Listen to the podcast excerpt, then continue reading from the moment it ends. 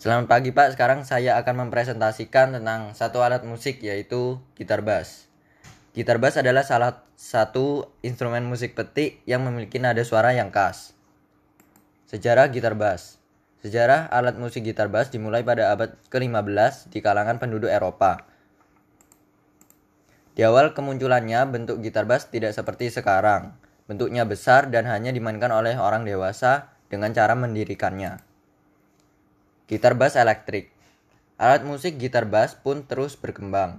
Pada tahun 1920, sebuah perusahaan alat musik Gibson menciptakan double bass elektrik. Tentu saja dengan dibuatnya double bass elektrik akan mendukung program, program pengecilan ukuran dari alat musik ini. Sebab tidak perlu ukuran yang besar untuk membesarkan suaranya lagi karena sudah disupport dengan perangkat listrik.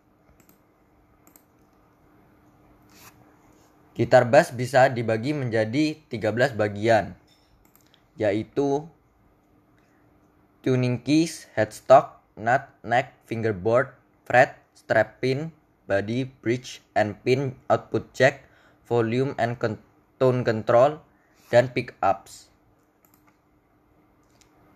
Jenis gitar bass Terdapat banyak jenis gitar bass dari mulai dari fretless bass, sampai dengan bass yang memiliki 11 senar atau disebut 11 string 11 string bass.